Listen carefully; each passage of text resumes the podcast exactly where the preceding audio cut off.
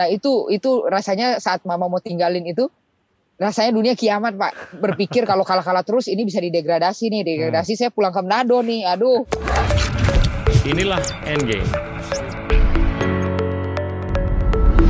Teman-teman, eh, hari ini kita kedatangan Liliana Natsir atau Butet yang sangat terkenal di dunia olahraga, khususnya bulu tangkis, tapi beliau juga sangat multi talented Eh, dan kita akan mendengar ceritanya beliau mengenai riwayat dari kecil sampai sekarang dan ke depan. Butet, Siap. selamat siang, apa kabar? Gita. Selamat selamat siang Pak Gita, kabar baik. Makasih loh bisa hadir dan ini eh, lewat Zoom. Untung ada apa namanya pemberdayaan teknologi canggih. Siap. saya mau ngobrol sama Anda mengenai pengalaman Anda. Anda lahir di tahun Ya. 85, ya kan? Betul. Jadi beda Betul, sama Pak. saya tuh 20 tahun, tapi Waduh. lahir di bulan yang sama sama saya. Wah, Eh, di semoga Manado. suksesnya. Sama kayak Pak Gita ya. Amin. Silakan Butet, coba cerita deh Ya. pengalaman hidup Anda sampai Anda tuh bisa jadi champion di BWF, di Olimpiade dan segalanya. Ya eh, ceritanya itu memang sebenarnya eh, panjang ya, cuma saya mungkin agak saya singkat sedikit. Jadi memang awalnya seperti layaknya eh, atlet yang baru mulai ya, saya lahir di Manado. Eh, hitungannya daerah ya Pak ya, karena biasanya itu eh, yang berprestasi, berprestasi itu rata-rata di Jawa.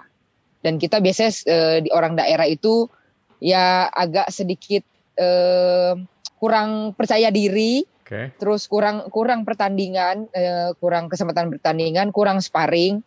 Ya itu juga membuat eh, kita pemain daerah lebih kayak udah kalah mental dulu lah. Tapi itu bu- bukan ada di diri saya. Jadi di diri saya itu merasa selama kita berusaha, selama kita berusaha maksimal, kita kerja keras, tidak ada yang tidak mungkin. Jadi dari awal 9 tahun itu eh, layaknya anak kecil hanya hobi-hobi aja main di depan rumah main bulu tangkis. Saya kebetulan suka banget dengan segala olahraga.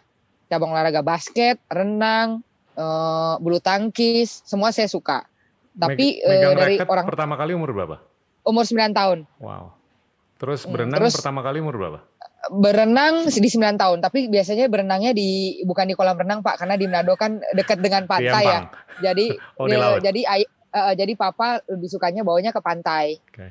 Gitu. Sekalian refreshing, sekalian juga saya diajarin berenang. Oke. gitu. Nah, kebetulan di 9 tahun, 10 tahun juga saya sudah bisa naik motor, saya sudah bisa nyetir mobil. Tanpa SIM. Eh, saya semua pengen nyoba Oke. gitu. Oke, Nah, nanti kita laporin ke kantor kepolisian ya. hanya belajar aja, Pak, bukan di jalan raya. Oke. Nah, Terus Terus ya coba bermain bulu tangkis dan eh, dari mama sendiri lebih support saya eh, lebih lebih fokusnya ke bulu tangkis karena alasan dari orang tua cukup make sense ya karena eh, menurut mama bulu tangkis itu salah satu olahraga kebanggaan Indonesia, salah satu olahraga yang bisa mengharumkan nama bangsa di kancah internasional. Kalau mungkin milih ke basket atau ke renang, menurut mama sama papa mungkin kecil kemungkinan untuk saya bisa mendunia. Oke. Yang yang Gitu, hobi jadi- olahraga siapa? Di dari Eh, orang tua. mam- eh, mama cuma nggak nggak oke. bisa main, hanya bisa hobi bermain bulu tangkis saja. Oke. gitu hobi nonton hobi nonton dan hobi bermain untuk ya eh, eh, senang-senang aja gitu bukan fokus di olahraga gitu papa juga sama Oke. Yang Nah. lebih yang lebih strict siapa? Antara papa atau mama? yang lebih strict papa Oke. Ya. Diapain aja sama Nah. papa kalau salah? Ya itu singkat cerita eh, saya sambil sekolah sambil ekskul sambil juga eh, apa namanya eh, masuk ke klub. Nah di ke klub saya coba dites diterima. Dan saya mulai di situ saya mulai berlatih secara inten. Nah itu eh, panjang ceritanya karena lika-liku itu saya hadapin tuh nggak semudah seperti orang ngelihat mungkin oh Liliana Nasir juara olimpiade juara dunia. Tapi zaman itu zaman tersulit buat saya juga. Karena apa? Saya baru baru masuk klub saya harus apa berkompetisi dengan dengan dengan teman-teman. Terus eh, kita di daerah harus jadi yang terbaik karena kalau sudah terbaik kita akan dikirim dikasih kesempatan untuk bertanding ke Pulau Jawa tapi hanya satu sampai dua pertandingan aja. Oke. Nah, Terus, di situ hmm, Mm-mm. saya merasa wah ini saya bisa nggak ya? Gitu. Karena mungkin masih kecil berpikirnya belum terlalu panjang ya berpikir hanya yang penting saya coba coba dulu saya yang penting saya bisa. Ya untuk ke depan saya belum berpikir panjang lah.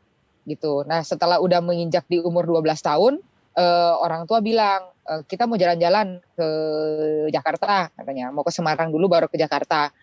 Mau apa? Jalan-jalan katanya. Ya saya senang aja jalan-jalan. Setelah jalan-jalan ternyata saya dicoba tes masuk ke klub gitu. Waktu saya dicoba ma masuk ke klub, untungnya saya punya mental yang mungkin nggak ciut dulu ya. Rata-rata kalau pemain daerah tes di Jawa, ngelihat pemain uh, Jawa, wah kita udah minder dulu gitu. Betul. Karena kita orang pemain daerah, cara bermainnya mungkin beda, mungkin pegangan raketnya juga masih ngawur, cara step kakinya juga masih ngawur gitu. Tapi saya saya ngerasa ya saya coba dulu apa pun itu bisa terjadi dan mama mensupport itu. Mama nganterin ke klub, saya dites. Waktu itu di sparingin sama pemain yang sudah lama di klub itu. Saya bisa bisa bersaing, bisa ramai walaupun kalah gitu. Dan pelatih ngelihat, wah ini anak boleh nih dari mental, dari keberanian, dari energiknya ini boleh. Hmm. Nah akhirnya menurut pelatih, oke okay, kamu bisa diterima. Diterima tapi saya belum di asrama. Saya diterima saya harus bayar kos sendiri. Nah di situ kegalauan orang tua saya juga galau. Wah saya mau ditinggal nih. Biasanya hidup sama orang tua, saya kebetulan anak bungsu, hidup bareng setiap hari kali ini saya mau ditinggal saya harus mandiri hidup sendiri. Itu galau saya. Mama sih kasih pilihan kamu mau stay di sini karena kamu diterima atau kamu pulang lagi ke Manado. Terserah kamu pilihannya. Saya bilang e, lihat teman-teman kok sepantaran saya juga mereka berani ya. Kok saya nggak hmm. berani gitu? Mereka bisa mandiri gitu. Oke lah saya tertantang. Saya bilang oke saya mau. Yang penting mama nemenin saya dulu hmm. adaptasi. Jadi mama nemenin saya di kos. Tadinya mama hanya waktu satu bulan saya tahan sampai tiga bulan nemenin saya Akhirnya udah dibatas tiga bulan, mungkin papa di Manado juga udah, eh pulang, kok nggak pulang-pulang gitu. Mama, ya anaknya nggak bisa ditinggal, ini gimana gitu. Akhirnya mama cari akal gimana, uh, coba ngomong ke klub. Uh, gimana anak ini anak saya kan saya orang daerah, anak saya nggak mungkin perempuan saya tinggal di kos sendiri. Bisa nggak ada ada dispensasi anak saya yang penting tinggal di asrama, ada kepala asrama kan, ada ibu asrama.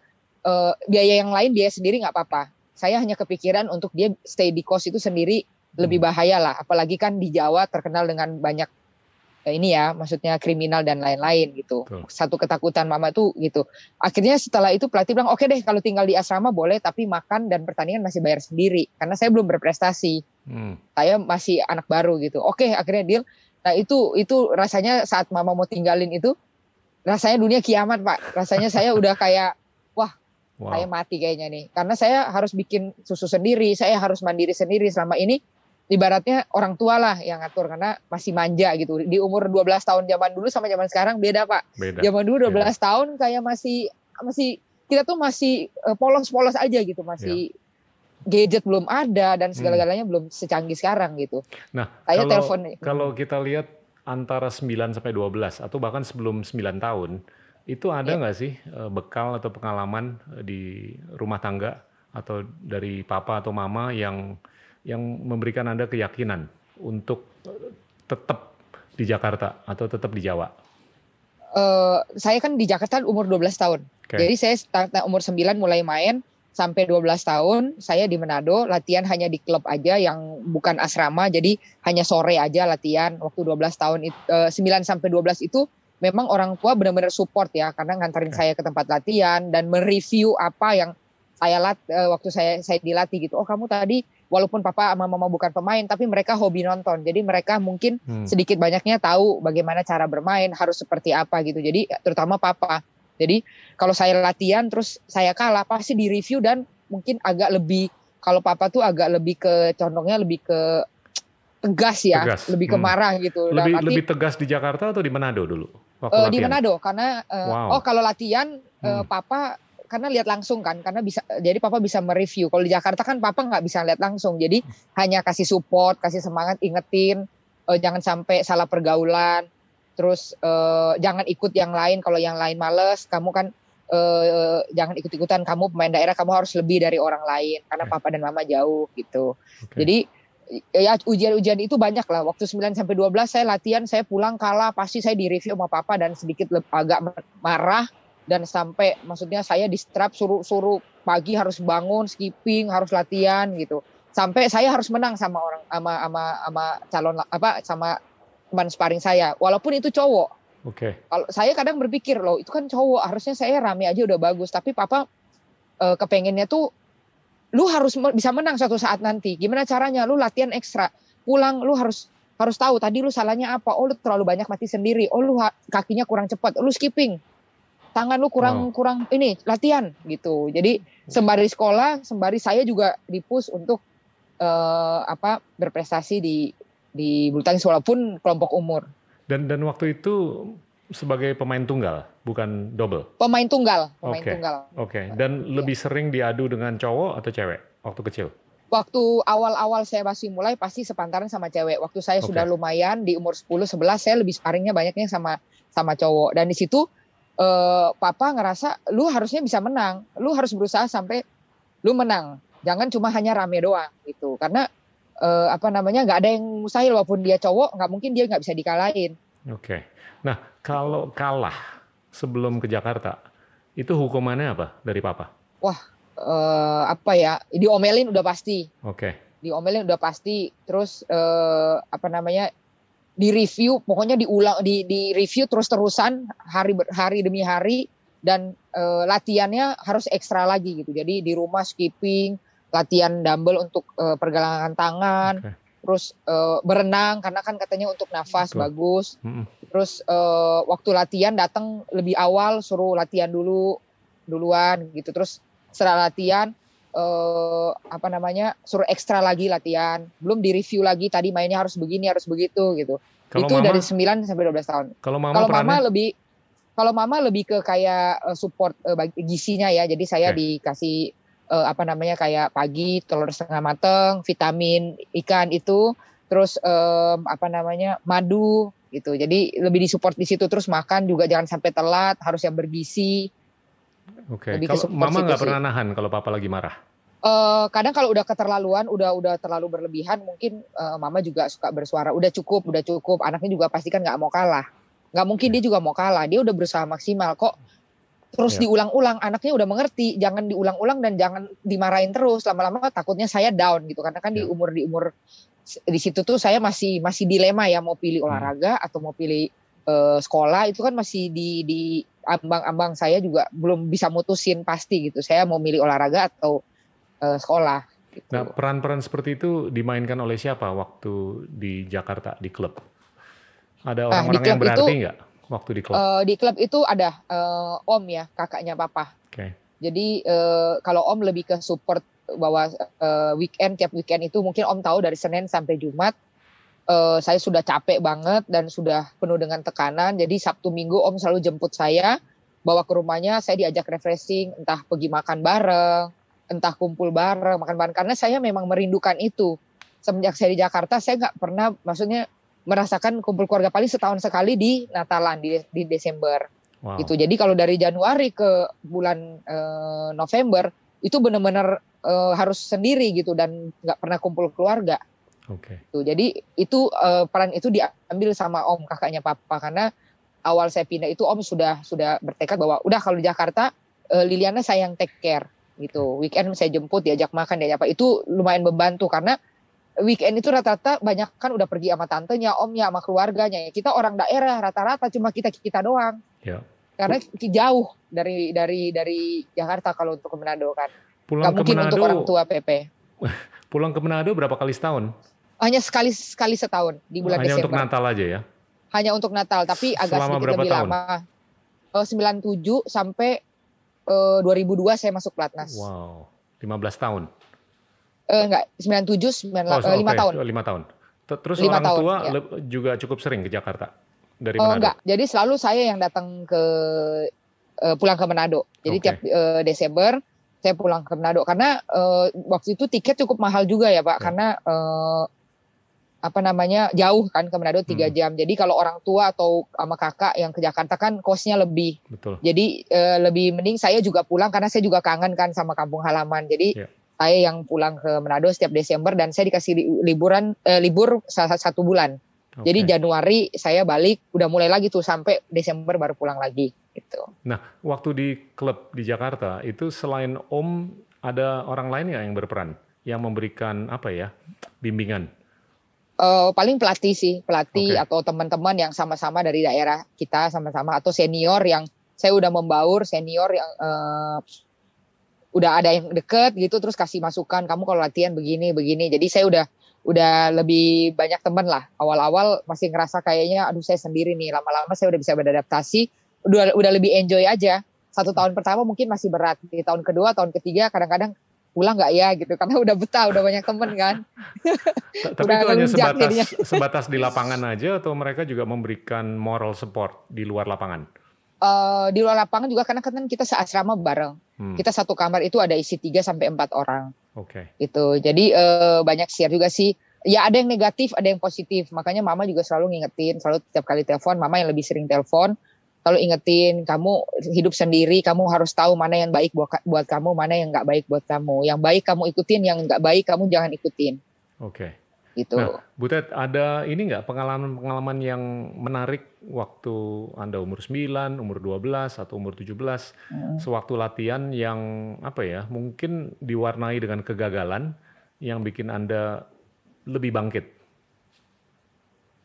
Uh, kalau masih uh, umur 9 sampai 12 tahun mungkin kegagalan-kegagalan kayak abis uh, sparring sama uh, teman latihan atau pertandingan antar daerah itu uh, pasti sedih, pasti uh, kecewa, dimarahin papa iya, cuma belum terlalu terpikir sampai sejauh itu. Jadi hanya ah hmm. selayaknya anak kecil kalah, nangis, kecewa udah. Nah, yang terberat masa terberat itu pada saat saya masuk di pelatnas. Kalau masih di klub juga kan masih kelompok umur. Kelompok ya. umur itu kan saya di umur umur 12, 13, 14 15 itu masih di kelompok umur ya. Menang kalah saya masih masih enjoy lah walaupun sedih tapi cepat berlalu. Yang berat itu pada saat saya sudah di pelatnas. Waktu tahun itu, 2002. 2002 itu sampai ya sampai saya berhenti itu itu benar-benar penuh dengan tekanan, persaingan eh, terus apa namanya? Eh, kalau berpikir kalau kalah-kalah terus ini bisa didegradasi nih, degradasi hmm. saya pulang ke Manado nih. Aduh, udah biasa hidup di Jakarta terus pulang ke Manado wah ngerasa kayak berat nih. Saya jadi saya harus berusaha gimana caranya jangan sampai saya uh, gagal dan sama orang tua disuruh pulang lagi gitu. Coba deh cerita. Sempet terpikir nggak sih kalau gagal terus pulang ke Manado mau ngapain?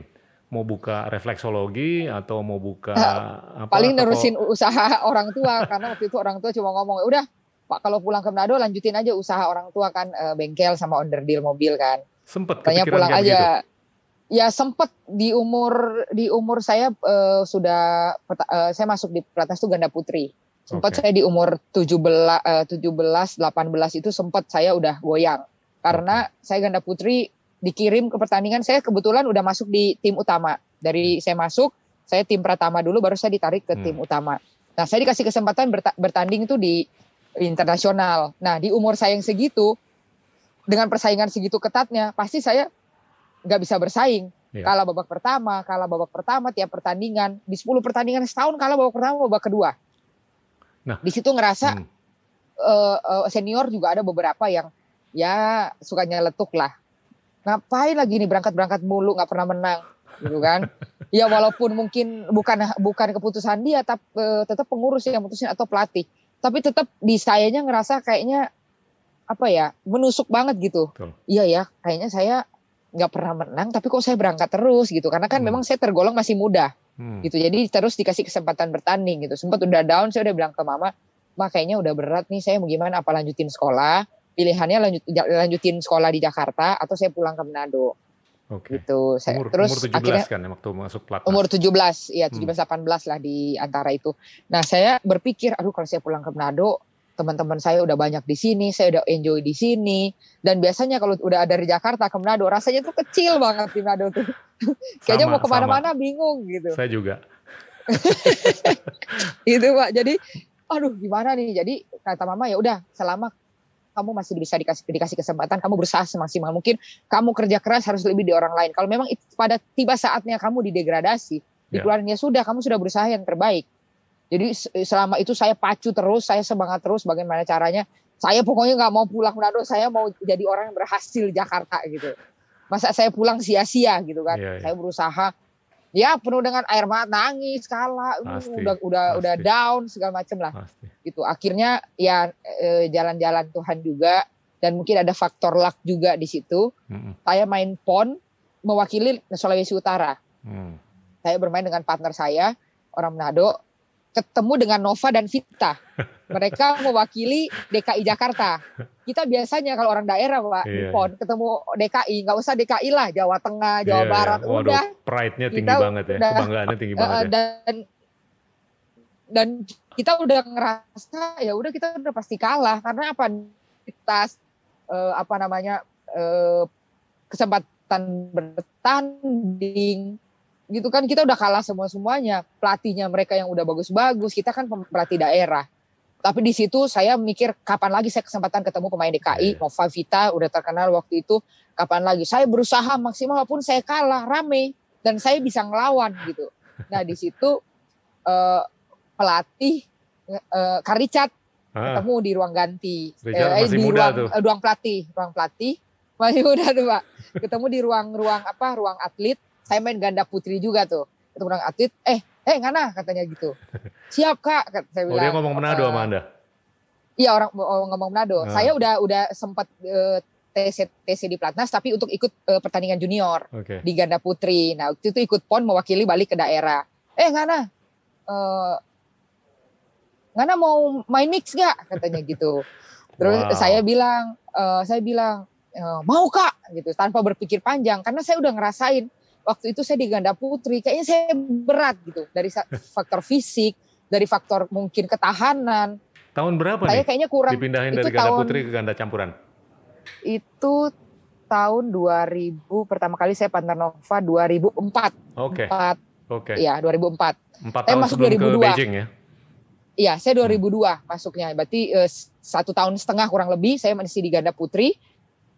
Dan ganda putri saya setidaknya eh, lapis kedua lah saya waktu itu. Tapi tunggu dulu Bu gitu. waktu dulu kan di Manado main kebanyakan single. Terus ya. waktu ke Pelatnas ditentuin ganda putri.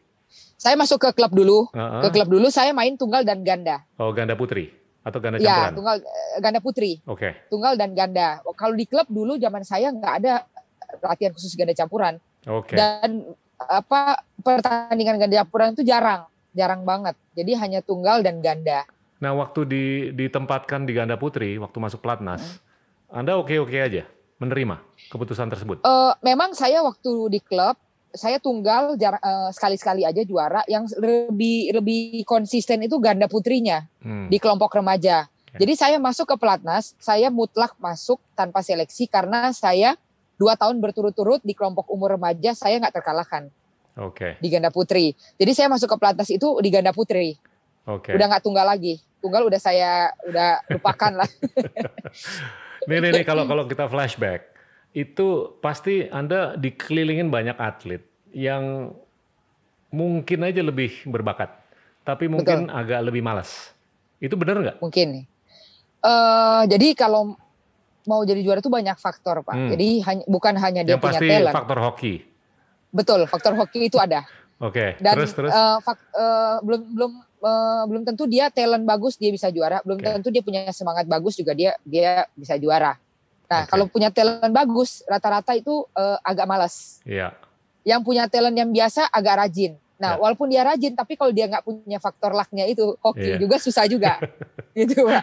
Jadi uh, udah komplit lah ya rata-rata kalau juara tuh udah komplit. Selain dia punya talent, mungkin kalau dia nggak punya talent, dia punya kerja keras, dia punya yeah. komitmen yang bagus, disiplin yang tinggi, dan ketiga itu pasti dia punya faktor hoki. Yeah. Dari segi drawing kalau ketemu pemain, pasti, dari pasti. segi kesempatan. Jadi dari segi era. Nah, era hmm. juga mempengaruhi, Pak. Era pada saat era mungkin zaman dulu, zaman iya. uh, Susanti, zaman Ricky Rexi, itu kan pelapisnya banyak banget Betul. dan bagus-bagus. Betul. Jadi waktu kita waktu kita lahir kecepatan aja, kita lahir di zaman itu, belum tentu saya bisa seperti iya. sekarang. Gitu. Iya kayak petinju, kalau lahir di eranya Muhammad Ali, sial. Nah, kalau lahir benar. di eranya Tyson, sial. Kalau dia lahirnya Betul. mungkin di sebelumnya atau di setelah itu diuntungkan kan. Ah. Nah, tapi gini ah, loh, iya, Butet, kalau kalau Anda ya. waktu itu di Platnas, di klub di mana pun lah, ngelihat orang yang lebih berbakat daripada Anda, tapi dia mungkin bangunnya nggak sepagi Anda, kerjanya nggak iya. sekeras ya. Anda. Ada nggak sih motivasi dari Anda untuk ngomong ke dia, lu kok sebetulnya tuh berbakat banget, tapi kalau males sih, sebetulnya lu bisa lebih hebat daripada gua.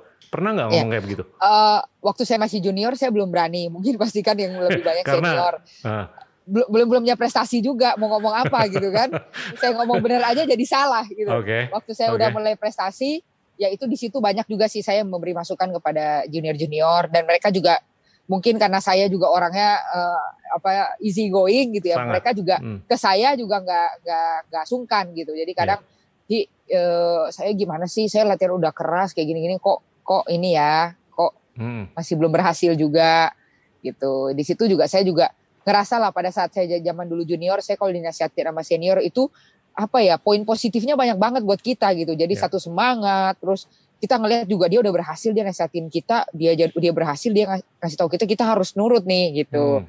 Jadi waktu saya ngasih tahu junior, mereka juga dengerin. Kamu tuh kenapa? Kamu udah rajin, tapi apa? Kamu tuh eh, apa namanya mentalnya? Saya bilang ya dari mental itu gimana caranya? Ya kamu lebih berani, lebih lebih lebih berekspresi kalau latihan tuh jangan seperti ya tanpa ekspresi. Kalau pertandingan kan ada campur tegang, ada apa? Kamu harus Hmm. semangat, teriak atau gimana latihan itu kamu harus biasain dari latihan. Nanti kamu kebiasaan di pertandingan gitu. Hmm. Ada juga yang talentnya bagus, males. Saya bilang kamu bisa bisa lihat senior senior banyak yang punya talent bagus karena males nggak berhasil banyak contohnya. Itu kamu lihat aja Ya. gitu. Jadi jangan kamu merasa kamu talent bagus kamu bakal dipakai terus enggak. Kamu Oke talent sih bagus kalau- kamu nggak prestasi gitu. Kalau kita berasumsi bahwa kalau bekalnya cuma talenta aja, itu pasti atau hampir pasti nggak bakal sukses tanpa kerja keras. Eh, hampir semua sih seperti itu pak. Oke. Karena memang eh, eh, kita olahragawan itu butuh kerja keras, butuh disiplin yang tinggi itu harus bukan nggak bisa tawar menawar. Walaupun dia talent di atas rata-rata, tapi kalau dia nggak punya eh, kerja keras, dia nggak punya disiplin itu nothing. Ya. Talent coba dia cerita, itu nothing. gitu. coba cerita mengenai satu hari atau beberapa hari di mana Anda benar-benar dipush oleh pelatih sampai lebih dari batas eh, batas atau limit yang Nah, itu biasanya. zamannya pengursan Pak Gita. Saya persiapan Jangan, Olimpiade jangan, jangan. Pak. Itu, itu terlalu fast forward. Ini nih mau mau mundur dulu nih ke tahun 2002, 2003, Oh, 2002. sebelum Beijing, sebelum Beijing dulu. Eh, sebelum Beijing eh, waktu sama Nova ya, saya eh, memang waktu itu ditargetin juga, itu Hmm. Oke. di-push juga. Karena Oke. kalau kejuaraan dunia mungkin kita tetap persiapan persiapan eh, berat juga. Cuma memang kalau Olimpiade itu ekstra, ekstra benar-benar kita Hmm. Ya. persiapannya luar biasa. Nah itu persiapan ke Beijing itu saya benar-benar di-push juga karena salah satu target emas itu ada di saya dan Nova. Hmm, Eh, Ya. Selain eh, ganda putra. Oke. Gitu. Dulu andalannya ganda putra dan ganda campuran.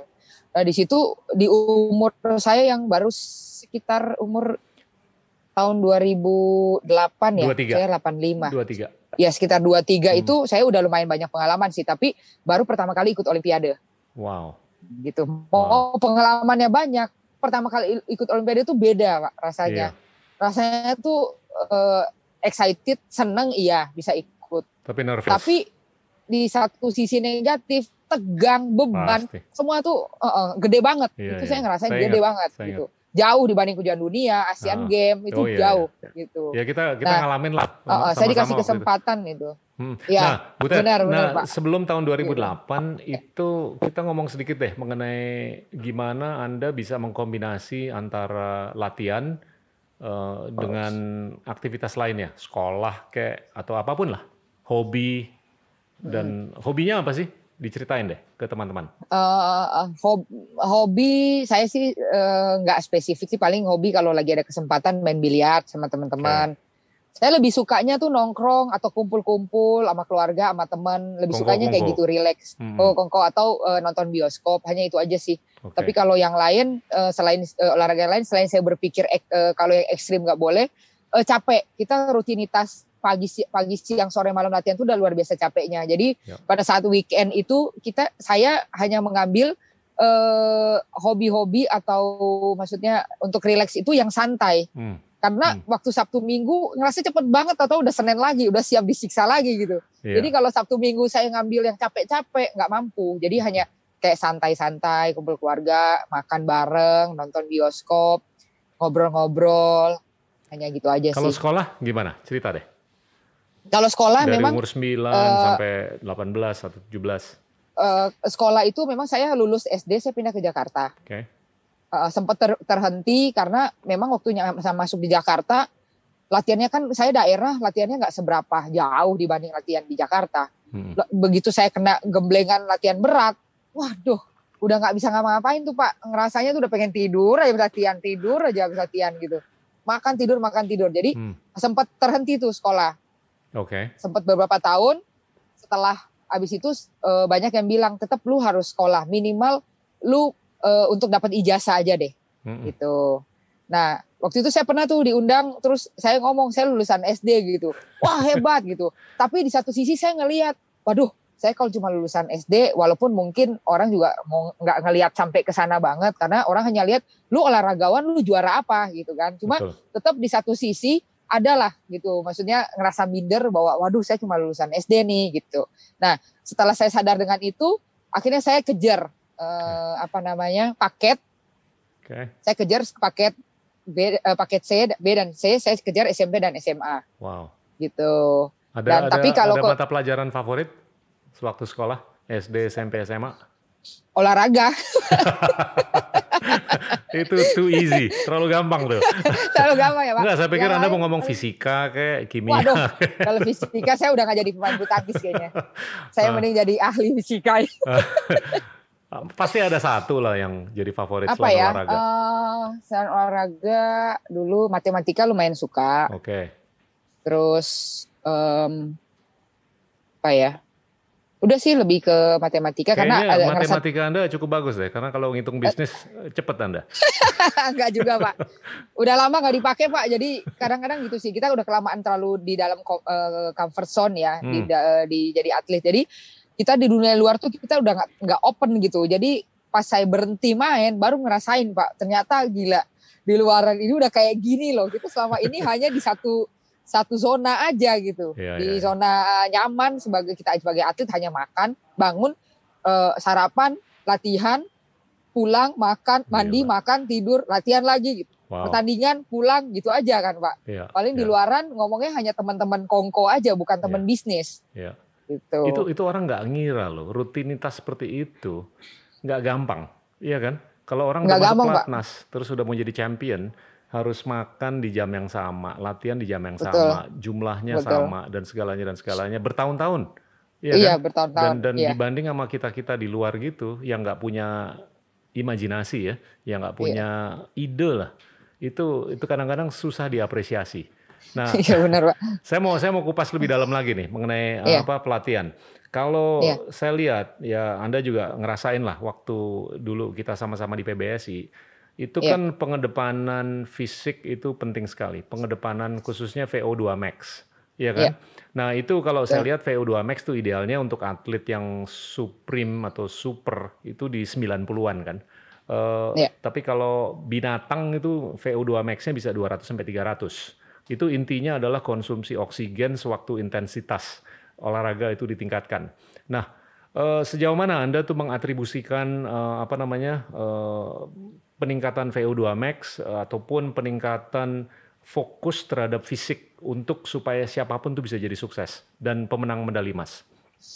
Hmm, kalau saya sih lebih ke ini ya, kalau kita atlet kan memang nggak terlalu mikirin untuk bagaimana saya cara naikin VO2 max gimana biasanya Siap. kan kita udah ada pelatih fisik. Siap. Tapi yang saya jalan itu saya eh, pengalaman saya kalau dari atlet sendiri hanya mikirin bagaimana kita eh, makan yang teratur, makan yang sehat, tidur yang teratur, eh, mengkonsumsi vitamin. Eh, itu sih hanya itu aja dan hiduplah sebagai ju seorang juara gitu. Dalam arti gini, eh, kalau kita dalam pengawasan mungkin kita akan disiplin dengan mau tidak mau gitu secara dipaksa. Yeah. Tapi yang paling diuji itu pada saat kita weekend atau kita dikasih libur. Itu hmm. yang yang saya menurut saya itu harus punya mental seorang juara hidup seorang juara. Karena apa? Cobaan itu banyak. Jadi pada saat kita libur itu pengen cheating ah, makan ini, makan itu, makan cemilan, makan ini, makan itu. Nah, itu yang rata-rata atlet itu susah. Ya. Gitu. Okay. Harus punya disiplin diri sendiri. Itu sih lebih kepengaruh kalau atlet. Kalau untuk UTMS dan lain-lain biasanya dari pelatih fisik sudah ada program lah. Kalau mungkin ya. dia uh, ibaratnya recovery-nya kurang cepat hmm. atau apa itu ada programnya yang masing-masing atlet itu punya ketahanan fisik uh, berbeda-beda gitu. Yeah. Gitu. Dan ya. kebetulan yeah. saya dan Owi pengalaman kita waktu persiapan ke Olimpiade VO2 max kita gitu cukup bagus dan terutama recovery-nya yang paling oh, bagus iya, kita. Iya. Jadi sama pelatih diukur, iya nah. benar pelatih itu diukur kita tuh drilling segitu banyak ya latihan segitu banyak ya kita di di di di, di, di, di ibaratnya denyut nadi kita di di berapa Betul. Dalam persekian detik kita tuh turunnya cepat. Iya, iya, iya. Gitu, Pak. Kalau turunnya lambat, berarti kan kalau bulu tangkis kan butuh cepat gitu. Karena kan abis iya. mati ya. kita mau muter-muter aja sama wasit sudah dipanggil. Eh, ya. masuk gitu kan, cepat. Hmm. Gitu. Nah, itu yang dibutuhkan. Nah, ada juga yang lambat. Nah, kalau lambat pada saat udah harus mau mulai lagi, dia belum recovery. Ya, itu susah. Karena ya. nafasnya dia aja belum belum teratur gitu. Ya. Nah, Butet, saya mau tanya. Kalau mau sukses itu dibutuhkan kerja keras, dibutuhkan Betul. kondisi fisik yang prima, dibutuhkan Betul. hoki atau keberuntungan, Betul. ya kan? Betul. Kalau atribut Betul. seperti IQ itu penting nggak sih? Kalau mau sukses di bulu tangkis? Uh... Inilah Endgame. Di episode Endgame berikutnya. Karakter yang cocok untuk Nova itu adalah saya. Kayaknya karir saya habis dia di sini.